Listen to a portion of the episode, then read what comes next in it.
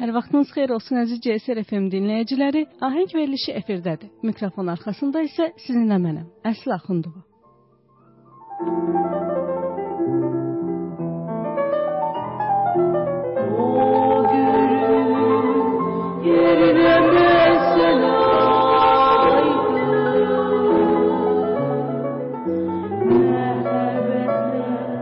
Bəli, əziz dinləyicilər, bugünkü efirimizdə Azərbaycan musiqili komediyasının inkişafında mühüm xidmətləri olan bəstəkar, SSR xalq artisti Rauf Hacıyev haqqında danışacağıq.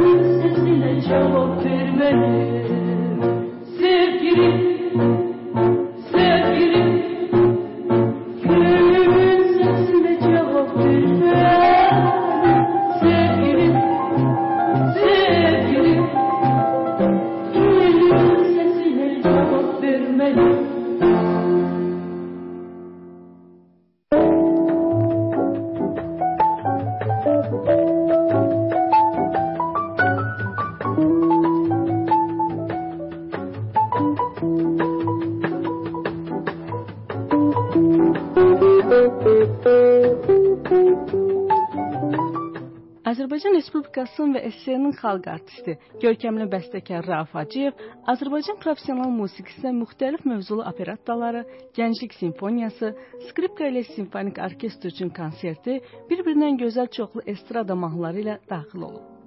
Rauf Hacıyevin musiqi istedadı erkən yaşlarından özünü biruzə verib. Həsən bəy Zərdabinin qızı əməkdar müəllim Qərib Soltan Məlikovanın himayəsi altında tərbiyə alan Raufun bəstəkarlıq sahəsində formalaşmasında Üzeyir Hacıbəyovun mühüm əhəmiyyəti var. Belə ki, Raufun fortepiano üçün pyeslərini dinlədikdən sonra dahi bəstəkar onun fitri istedadını yüksək qiymətləndirib və il yarım onunla məşğul olandan sonra Rauf bir neçə mahnı bəstələyib. Onların arasında xüsusilə Samur, Mingəçevi, Gənclik marşı ona şöhrət gətirib. İlk gənclik məhsulu olan bu mahnılardan sonra mahnı janrı Rauf Hacıyevin yaradıcılığında aparıcı əhəmiyyət kəsb edir. Xüsusilə bəstəkarın həm ifaçılar, həm də musiqi sevərlər arasında aşağıdakı mahnıları daha çox populyarlıq qazanır. Sevgilim, Mənim Azərbaycanım, lirik mahnı, Bahar gəlir, Sevimli şəhər, Bakı haqqında mahnı, Leyla, Neft daşlarında, Ceyran və s.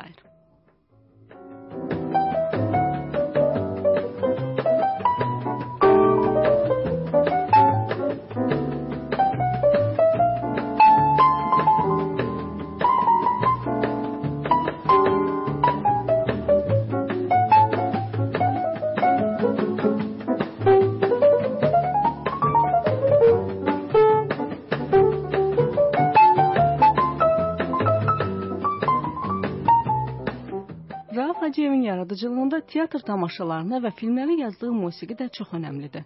O 15-ə qədər filmə musiqi yazıb və hər bir filmdə olduqca çox musiqi parçaları mövcuddur. Onlardan Əhməd hardadır, Mən rəqs edəcəyəm, Bir qalanın sirri, Kölgələr sürünür, Qara daşlar və s. Bu, bu filmlərdə musiqi obrazların dolğun təcəssümü, səmimiyyəti, gözəl melodikliyi, şəffaf orkestrləşdirməsi ilə fərqlənir. Müzik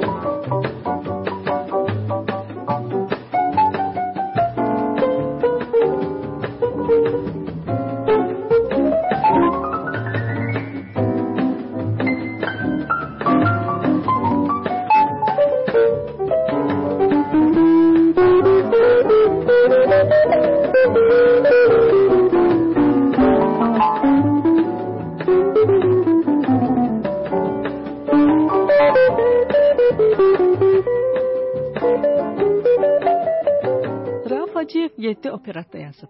Təqdirə layiqdir ki, onlardan 5-i məhz Moskva Dövlət Operetta Teatrının səhnəsində tamaşaya qoyulub.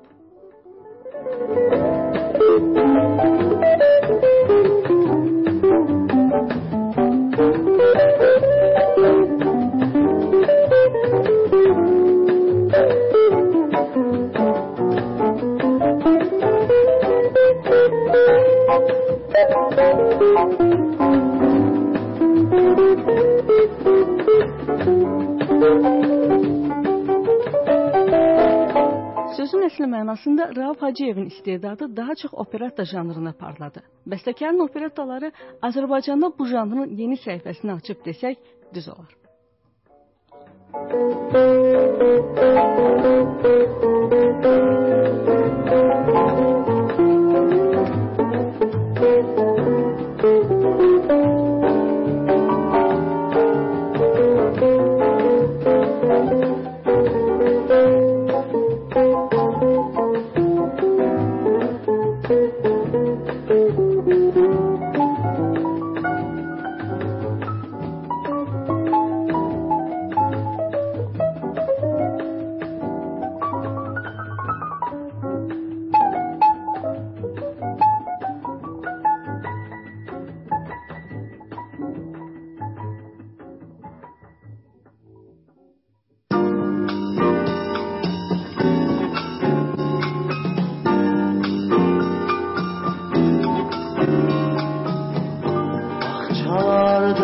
yasemenler verdi baş başa.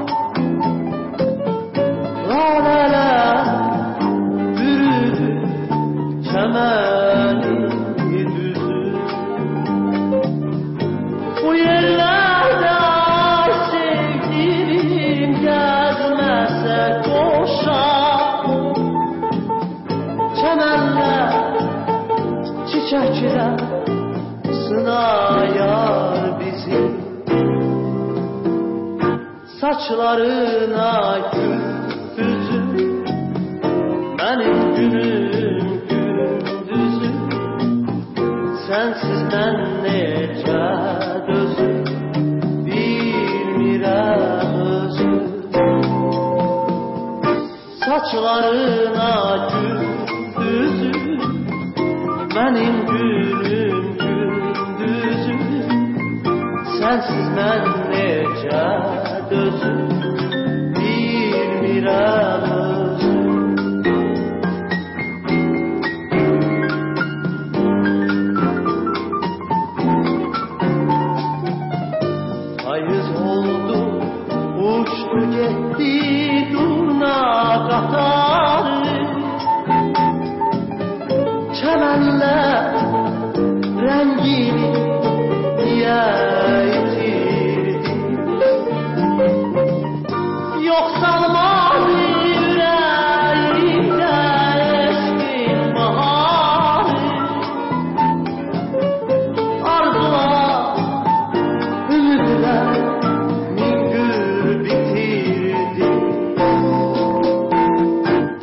saçlarına gül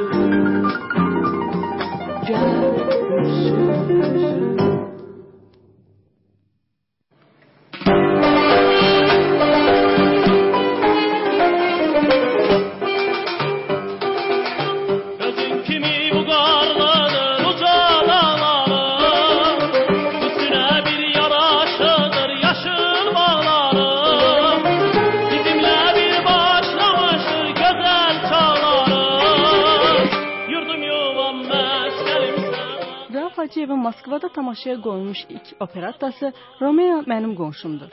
Həmin əsər əvvəl Bakıda qonşular adı ilə tanınır. Əsər Moskvanın operetta teatrında müvəffəqiyyətlə göstərdikdə tamaşanın quruluşçu rejissoru Zaks operetta haqqında belə deyib ki, bu Azərbaycan operettasını teatrımızın repertuarına salmağa bizi sövq edən onun mövzusunun yeniliyi və müasirliyi, Rauf Hacıyevin coşqun musiqi dili, sırf milli koloriti əsl mənada müasir musiqi dilidir. Yapamalı kent tarlalarda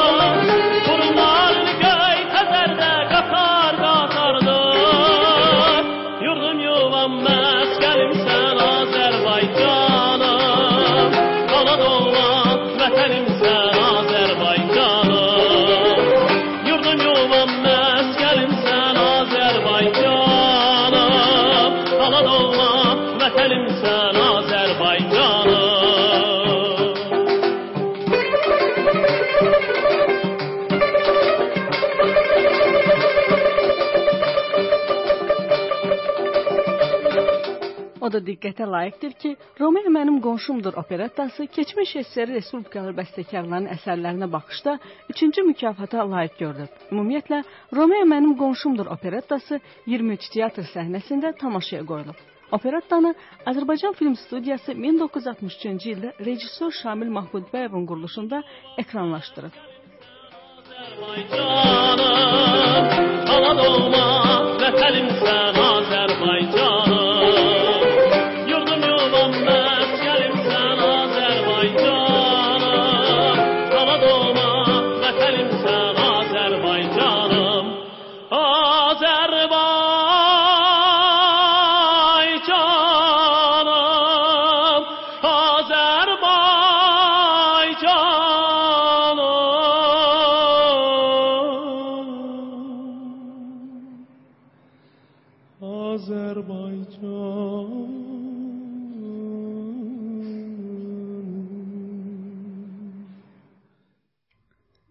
Rauf Hacıyevin maraqlı operettalarından biri Mənim məhəbbətim Kubadır. Əsər Moskva Operetta Teatrının sifarişi ilə yazılıb. Rauf Hacıyev özü Kubada heç bir zaman olmayıb. Lakin onun qarşısında çətin bir vəzifə, Kuba xalqının milli xarakterini, musiqi sənətinin xüsusiyyətlərini açmaq vəzifəsi durmuşdu. Əsərdə musiqinin dramaturgiyasının əsasını üç melodiya təşkil edir. Bunlar Kubaya məhəbbət, vətənpərvərlik andı və Raul ilə Deliyanın məhəbbət hisslərini təcəssüm etdirən melodiyalardır. Bəstəkar Paçanga bayramının rəqs səhnələrini də maraqlı musiqi boyaları ilə yaradır. O maqnitofonda yazılmış əsl Kuba melodiyalarını tamaşanın musiqi ahənginə səriştə ilə daxil edə bilib. hicran Ala gözümden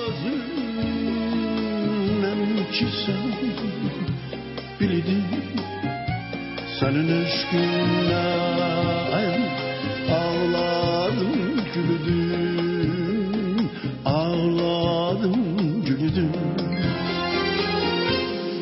Gülebilmez gülüm bahar sensin Yüreğim o tutup yanar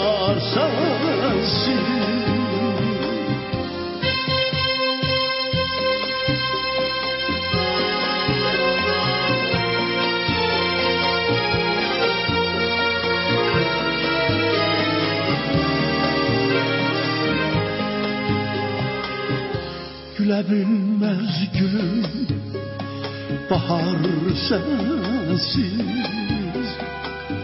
Yüreğim tutup yanar yarım sensiz. Yüreğim tutup yanar canım sensiz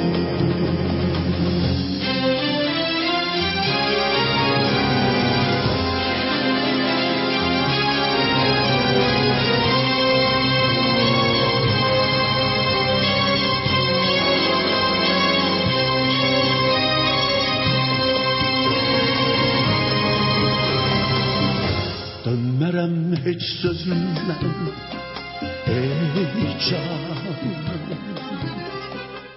Rauf Hacıyevin rəğbətlə qarşılanan səhnə əsərlərindən 4-cü fəqərə Qafqaz əsiri, Ana mən evlənirəm, Yol ayracında operettalardır. 4-cü fəqərə Finlandiyanın satirik yazıçısı Mart Larininin eyni adlı romanı əsasında yazılıb. Əsər əvvəlki operettalardan fərqli olaraq məişət komediyası səciyyəsindədir. Bəstəkar kəskin siyasi ictimai qayəli operetta yaratmağa nail olub. Mazlum. Gülebilmez gülüm var sensin Yüreğim o tutup yanar sensin Onda deyək ki, Martin Larini operettanın premyerasına gələ bilməyib, lakin o bu əsərə yaxşı bələddir. Çünki 1969-cu ildə yazıçı Azərbaycanda olarkən Rauf Hacıyev yazdığı operattadan bir çox nömrəni onun üçün nümayiş etdirib. Larini bu ecazkar musiqiyə qulaq asandan sonra deyib: "Bu gözəl mu müasir musiqidir. O təkcə əsərin əsas qayəsini əks etdirmir, həmçinin öz ifadə vasitələri ilə əsəri daha da zənginləşdirir." Sensiz Yüreğim tutup yanar canım sensiz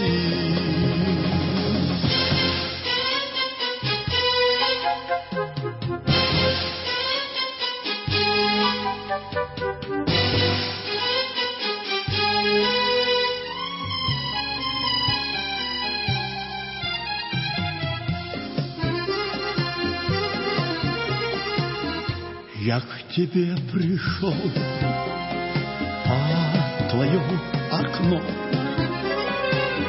Свет в окне горит, мне глаза слепят Хоть ярок свет, без тебя темно Приходи скорей, родная, я ведь жду тебя, к сердцу ты нужна. Аромат цветов,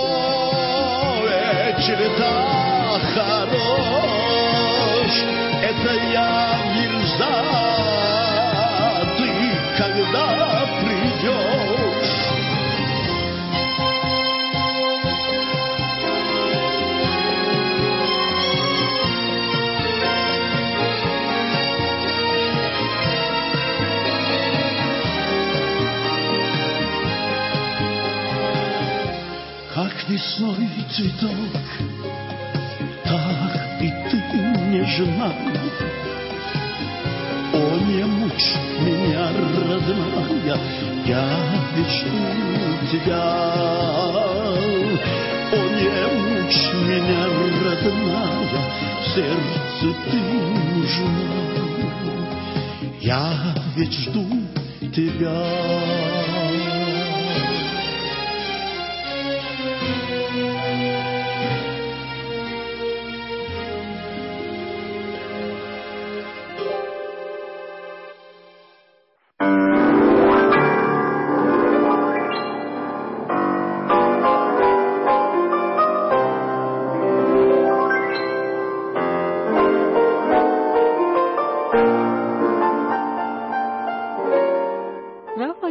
Axırıncı operettası Üzeyir Hacıbəyovun anadan olmasının 100 illiyinə həsr olunmuş Oradan Buradan əsəridir. Xüsusi olaraq Azərbaycan Televiziya və Radio Verilişlər Şirkətinin sifarişi ilə yazılmış və televiziya tamaşası üçün nəzərdə tutulmuş həmin operetta müəllifin musiqili səhnə formalarını mavi ekrana keçirmək işində maraqlı təcrübə oldu. –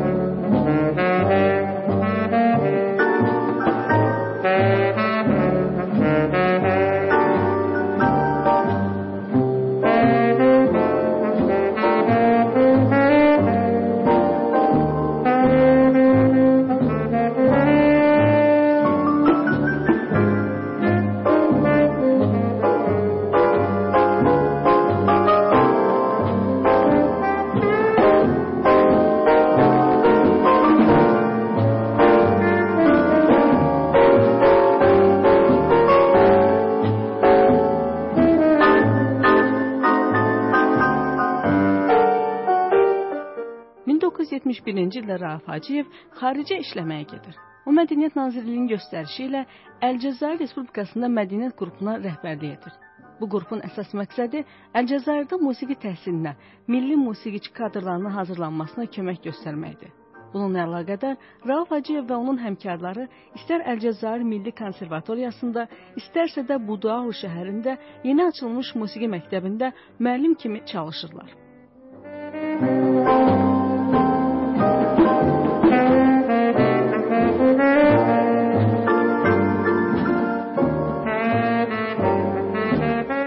Əlcəzairdə işləyərkən Rauf Hacıyev eyni zamanda bu ölkənin mədəniyyət tarixini də dərindən öyrənir. Xalq musiqi nümunələrini toplayıb nota köçürür. O topladığı lirik havalar əsasında öz tələbələri üçün tədris repertuarı kimi bir sıra orijinal instrumental əsərlər bəstələyir.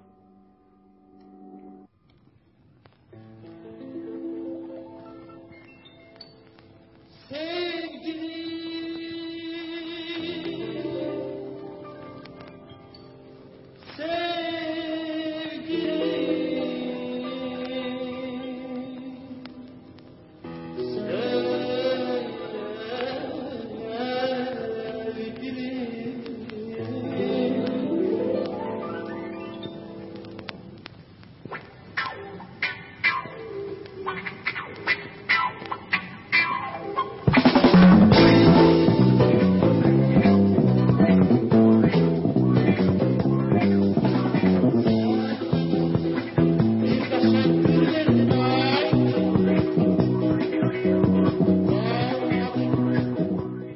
özü bu haqda belə yazır.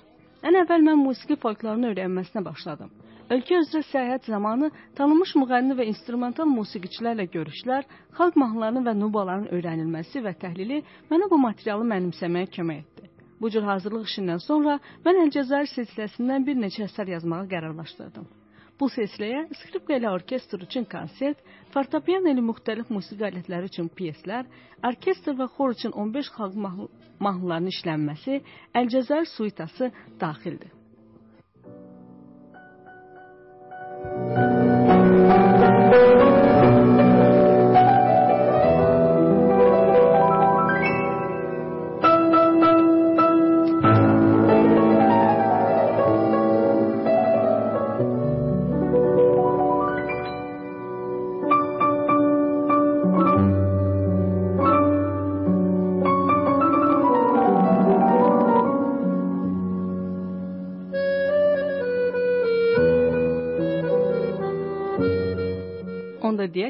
Rauf Hacıyev 60-cı illərdən başlayaraq ictimai işlərdə də fəal çalışıb. O 1964-cü ildə Müslüm Maqomayev adına Azərbaycan Dövlət Filarmoniyasına direktor, 1965-ci ildə isə Azərbaycan Respublikasının Mədəniyyət naziri təyin olunur.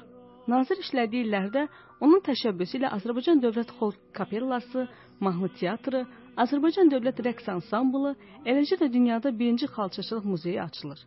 Azərbaycan Bəstəkarlar İttifaqının 5-ci qurultayında o idarə heyətinin birinci katibi, 6-cı qurultayında isə idarə heyətinin katibi seçilib. Senin eşkinden ayama ağladım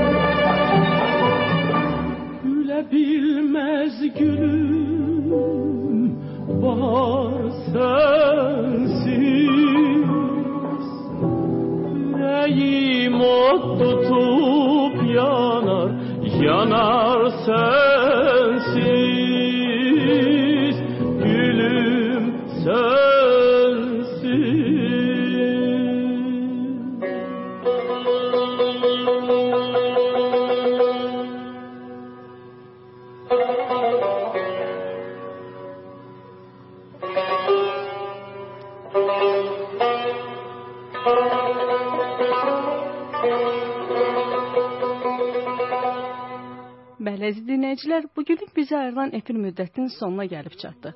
Bugünkü efirimizdə Azərbaycan musiqili komediyası inkişafında mühüm xidmətləri olan Rauf Hacıyev haqqında danışdıq. Mikrofon arxasında isə sizinlə mən idim, Əsli Axundova. Növbəti efirlərdə eşitdirmək ümidi ilə xudahafiz. Olmadım sayətə